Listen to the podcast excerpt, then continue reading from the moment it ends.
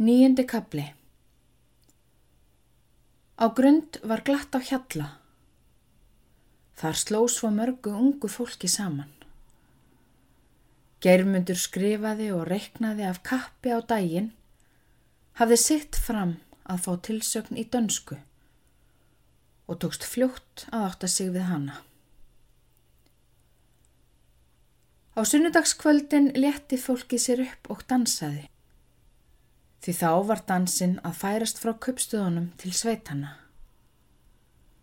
Sveimbjörn, Marja og Þurýður gáttu unnið fóreldra sína til að leifa þeim að leta sér upp og dansa svona einstöku sunnudagskvöld. En ekki leið á löngu áður en það varð först venja að dansa á hverju sunnudagskvöldi.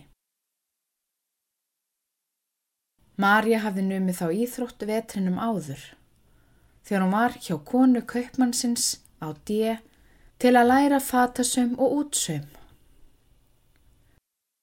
Nýja brumið var á dansinum og þó unga fólkið kynni lítið þá skemmti það sér ágætlega við að læra af Marju. Greip hverja tómstund til að æfa sig og nema. Germundur lærði fljótlega sporið fekk oft tækifæri til að láta sveimbjörn sína sér sporið. Engum var heppilegt að skjótast út með honum í húminu þegar sveimbjörn fór að hýsa gemlingana.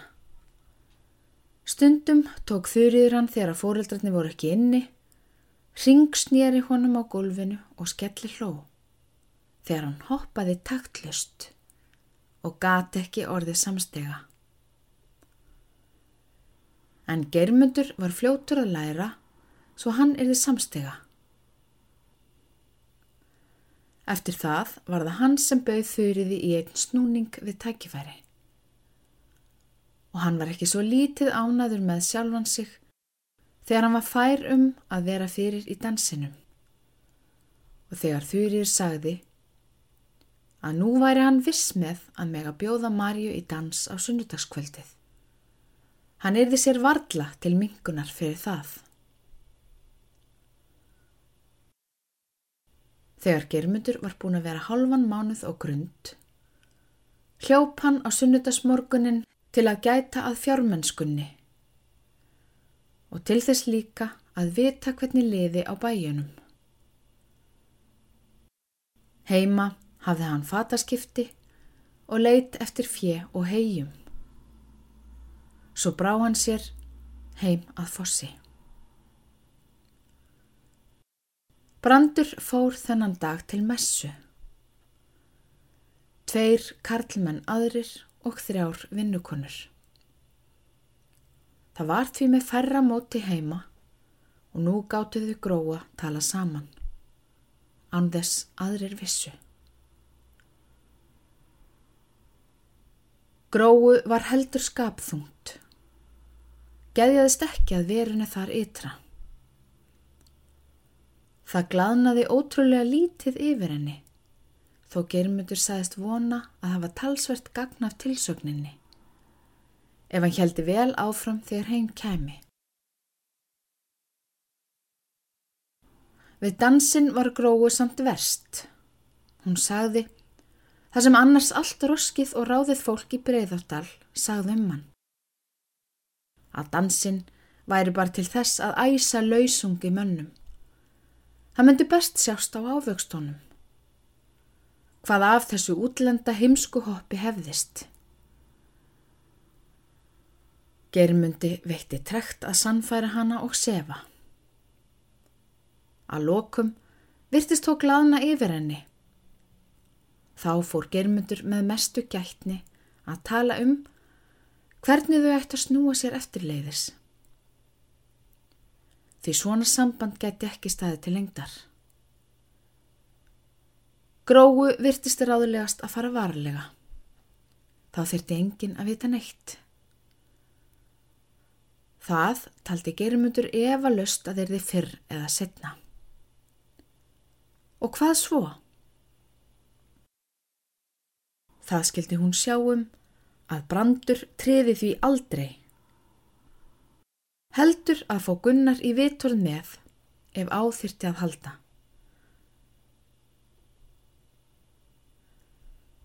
En það getur rekið svo langt að því hjónin skiljið. Það kemur aldrei til þess. Ég skal ábyrgjast það. Mörg er nú dæmin til þess. Já, en svona langt megum við ekki ganga, elsku vinnurinn minn besti. Mér hefur þó oft fundist að það erði takmarkið sem við stemdum að. Ekki svona allt í einu, en hafa það samt hugfast. Geirmundur vafði hann að fasta að sér. Gróa horfi forviða á hann. Hún gæti ekki trúa því sem hún heyrði. Nei, svo mikið meg við ekki brjóta. Kvorki við Guð ný menn. Nó er nú samt. Svo þér hefur aldrei dottið þetta í hug? Nei, aldrei. Þá hefur mér dottið það í hug. Hún lagði höndina blíðilega á munnin á honum, horfið fast og sorglega á hann með bláum augunum og sagði Hjartað mitt. Þetta máttu aldrei segja framar. Ég veit við höfum rasað, en að henda okkur svona tömlust út í ógefina, nei, ég þóli það ekki. Guðrún Ósvífurstóttir þóldi þó þetta. Já, en þá var nú aldinn önnur. Þú segir þetta ekki í alvöru. Jú, í fullri alvöru og samfæring.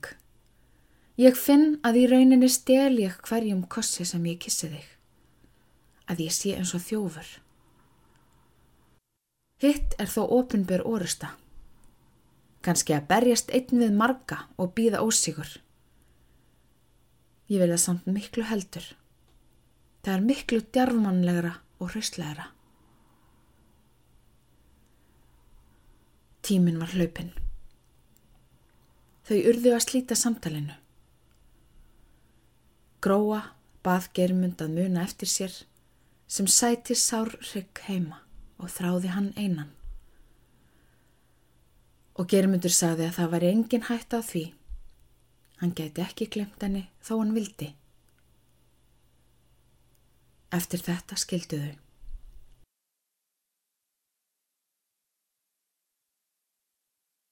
Geirmundi var miklu skapþingra um kvöldið en um morgunin.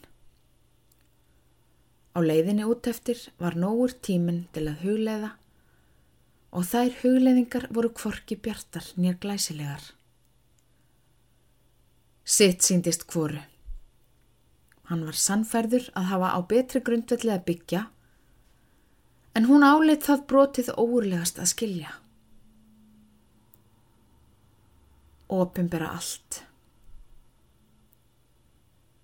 Hvað átti að gera? Eða bestu árunum svona? Það var rétt til að smá drepa hann.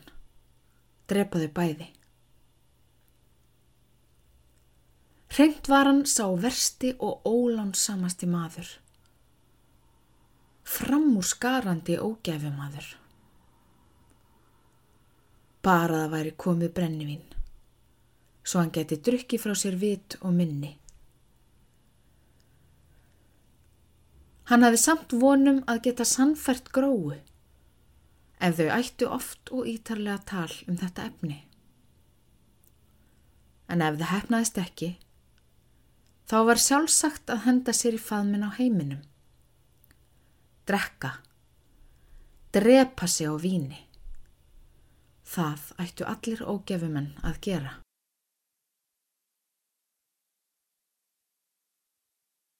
Þó germundur hugsaði svonum vínið, þá hafði hann þó ekki drukkið nema svolítið í kaupstaðaferðum og veistlum. Sumpart til að vera með í félagi og gleðjast með sama hætti og aðrir. Það gerðan líka orðkvatari og fjöruri Því fyldi unaður, stritið varð einski svirði og svefnin flúði. Aðeins einu sinni hafði hann orðið fullur í kaustæðaferð og það var ekkert gaman. Hann hafði talað alla vittlisu. Allt sem honum dætt í hug. Miklu gapalegar en vandi hans var til. Svo fór honum að verða flökurt.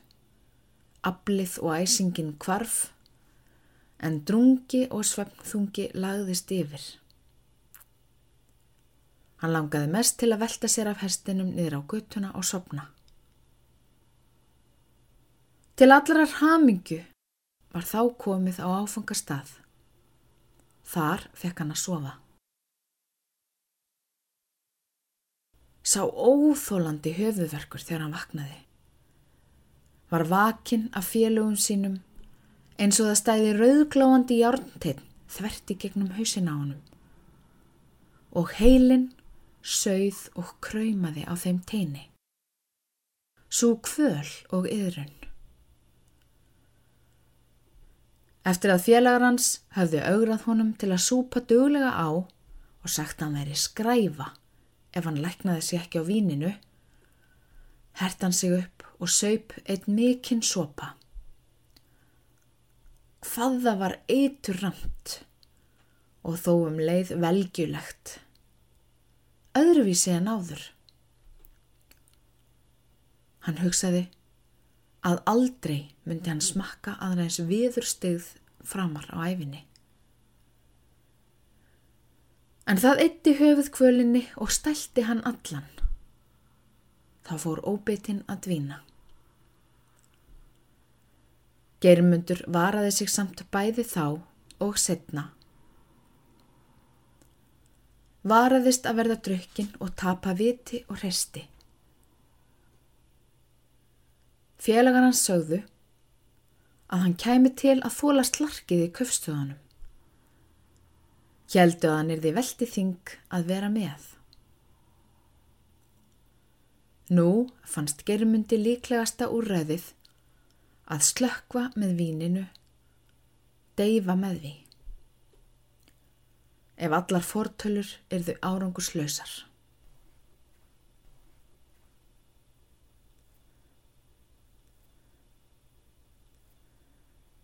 Germundi sóttist fljótt vegurinn út eftir. Hann gekk gríðar hart. Tók annað veifið svo harðaspretti að hann ætlaði að springa af mæði. Það var eins og hugarkvölinn þokaðist og dopnaði við áreinsluna. Þegar germundur kom út á grund var komið á þáttatíma. Unga fólkið dansaði í stofunni. Gömlu hjónin voru háttuð. Germundur snaraðist inn í stofuna og bauð Marju í dans. Það hafði hann ekki árætt fyrri. Dansin hefnaðist vel og svo dansaði hann við hverja stúlkuna eftir aðra. Germundur var svo ákafur, eins og hann ætti lífsitt að leysa. Hjælt allra fastast fram að nú skildi það tralla fram að dagrenningu og vera fjörugt.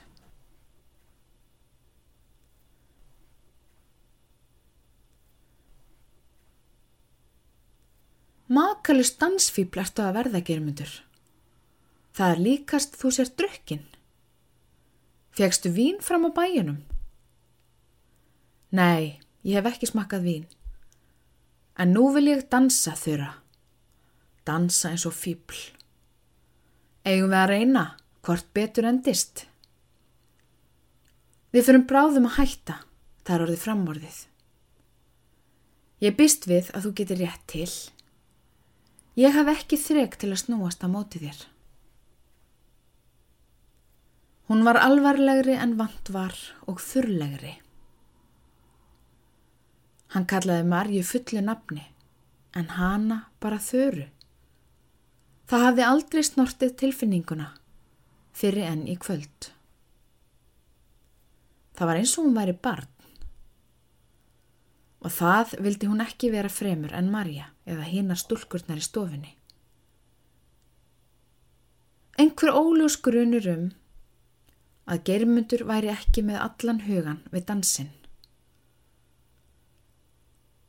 Það var hún einn yngst af öllum, sem virtist hann breyttur. En svo hugurinn væri á sveimi, dveldist annar staðar. Klukkan fjögur var hægt við dansinn, en fólkið kom sér saman um að segja hún hefði verið eitt.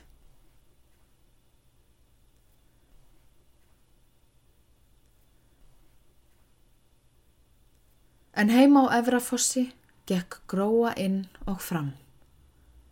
Hún eirði hvergi kyrr. Ímist snýri hún sér til barnanna, kisti þau og talaði nokkur blíðileg orð. Talaði fáein orð við einhverja vinnukonuna, fram í eldhús og búr, í stofu og stofuloft, út á hlað og inn aftur. Það var líkast við að hún væri að flýja einhverja harða hugsun sem hann þó ekki geti losnað við.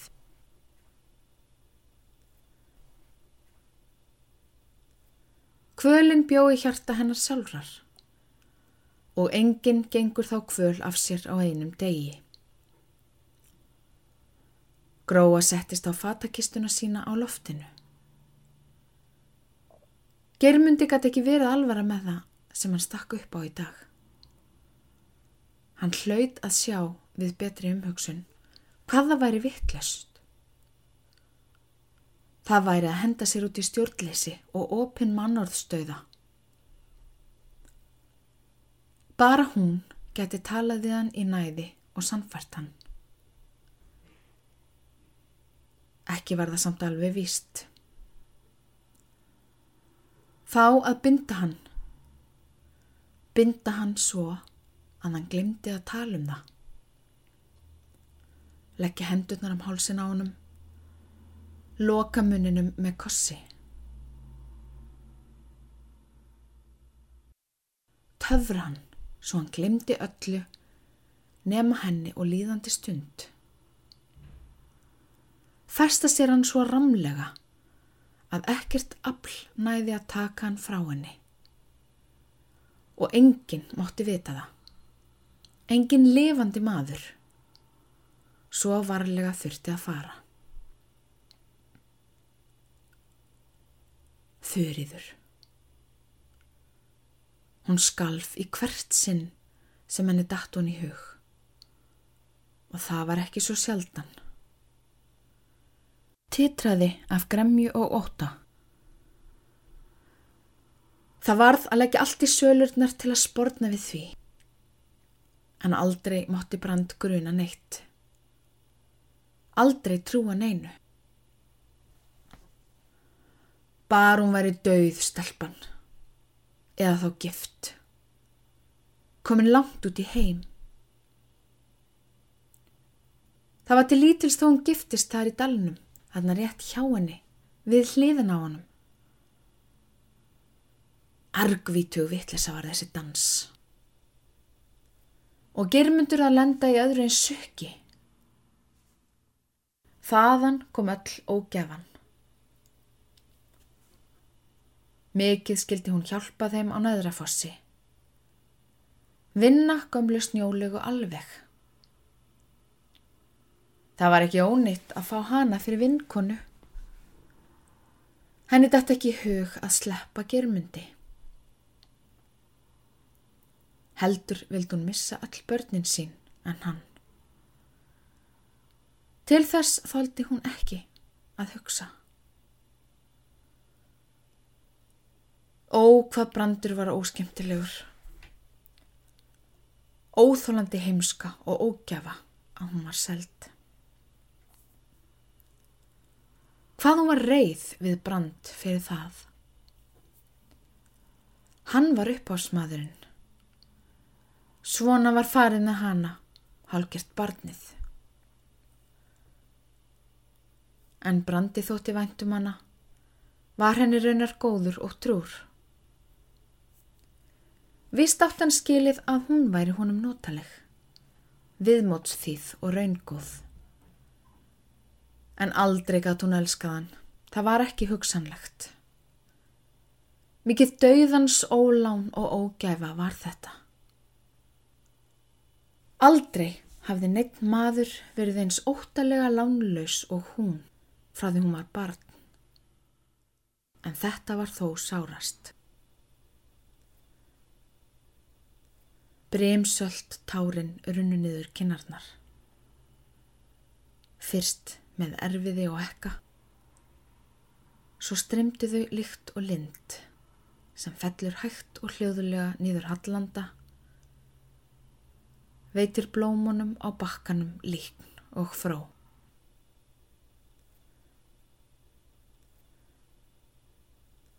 Þá kom brandur og messufólkið inn í dyrnar. Gróa heyrði harkið. Hún strauk vandlega augu og kinnar, lagaði hárið skóf smjör úr hálftunnu og lagði sköfurnar á disk.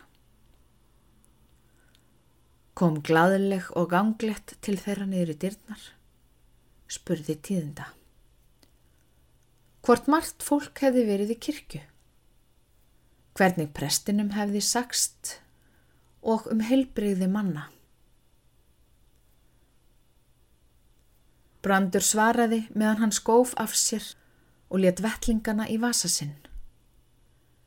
Hjartanlega ánægður yfir því hvað gróa var gladleg og málreitin.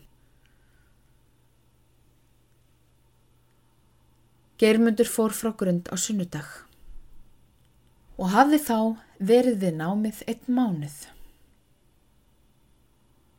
Þegar hann spurði sér að Jóstein eftir hvað veran kostaði, sagði prestur. Það getur nú ekki kostað mikið, germyndu minn. Þú hefur sínt svo mikla ástundun að það er ekki nema gaman að segja þér til. Þú skrippir kannski fyrir mig bæjarleið eða þvíumlikt ef mér lægi á. Annað kostar það ekki. Til þess skal ég muna og þakka yfir kærlega fyrir alla velgerningana við mig og germyndur var sannarlega þakklatur við klerkin fyrir tilsögnina, viðmótið og drengskapin. Ef sér að Jósteinn hefði þá beðið hann að hlaupa logandi eld, myndi hann undir eins hafa gert það. Sér að Jósteinn horfi á eftir germyndi, þangu til hurðin fjall að stöfunum eftir honum. Það var eitthvað það við mannin sem prestinum varð sérlega starfsyngt á. Svo kvatti germundur fólkið. Sveinbjörn ætlaði að fylgja honum úr túnni, en þurriði vantaði og þótti germundi ókurtest að hvaðja hana ekki, eftir svo langa og góða viðkynning. En þegar þeir komið fram í dyrnar, gekk þurriður fram úr stofunni. Geirmundur kvatti og rétti henni höndina. Þakkaði fyrir góða skemmtun. Hún var undarlega hæg og lágmælt. Dróð synd að sér höndina. Geirmundur sá að hún var dreirröð í andliti. Um leið og hann snýri sér við, sagði þurriður. Geirmundur, ég skal lána þér þessa bók að þú vilt. Þakka þér fyrir. Germutur snýri sér aftur við og tók móti bókinni. Augun mættust. Svo fóru þeir. Þegar þeir Sveimbjörn og Germundur voru skildir, fór Germundur að higgja að bókinni. Það var hjört spörnumenn og eitt hefti af ævintýrum Andersens innan í. Með þessari bendingu að halda áfram náminu hafði þurriður enn sínt hvað hún var góð.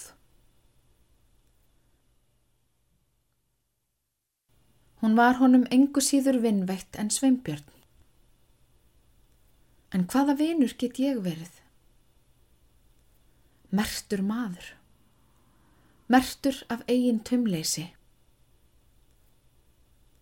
Hvað myndi presturinn hafa sagt þegar hann horfið svo vingjarlega á hann áðan? Ef hann hefði vitað að hann svo ungur, stóð í óleifilegu sambandi við konuna á Efrafossi. Bara fyrirlitið hann, ekki vilja sjá hann fyrir sínum augum framar. Það var sjálfsagt um hann, heiðvirðan öldungin og ljúfmennið. Ekki gat honum dottið í hug að sóknarbörnin sín væri svona spilt og ill. Geirmutur skammaðist sín fyrir að hafa komið sér fyrir þannan tíma á pressetrinu. Hann var eins og flekkútur kláðasauður innan um kvíta mjallfylda sauði. Líkur ref í lambahóp þeim sem rétt er búið að reka á afrétt. Hefði hann aldrei séð gróu ef hann hefði ekki verið þessi framúsgarandi léttúðar strákur þá hefði hann mótt horfa á og vera með grundarbörnunum, anþess að róðna nýja fölna. En hann hafði svikið sig inn á besta heimilið í dalnum, eins og Róðbert svikari eða mörður. Já, hann var mörður á neðrafossi, litli mörður í breyðárdal. taka sinna skiptum.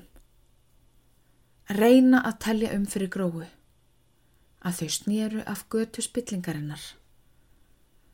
Nú sá hann voðan, eins og hann var í raun og sannleika. Ekki þóldi hann þó að horfa á gróu fljótandi í tárum, líta á hann sömu augum og vangbrotna rjúpan sem hann tók af honum rakka í haust. Geirmutur tók sér langan hlaupasbrett. Sefaði stáliti við það. Ekki var nú mikið að drekka hjá þessu. Þó margur drikki sig vittlusan hvað eftir annað, skarra var það. Svo tók hann annan sprettin. Þeir urðu nokkuð margir áður en hann kom heim. Og móðir hans sagði líka að það veri auðséð að hann hefði ekki gengið eins og maður núna.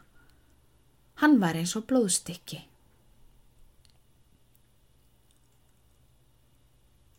Germundur kunni ekki meir en svo við sig í fámenninu heima, fyrst eftir hann kom að utan.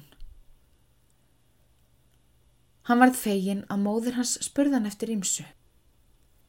Og það, þó hún kæmi oft við blóðundina sem hafði ripnað upp á heimleiðinni.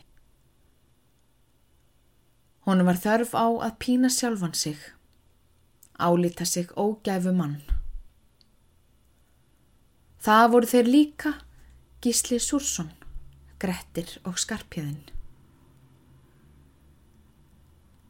En þeir voru framúrskarandi atgerfismenn og þróttugir. Af þeim átti hann að læra og bera sig karlmannlega að hinu gæti hann ekki gert þá.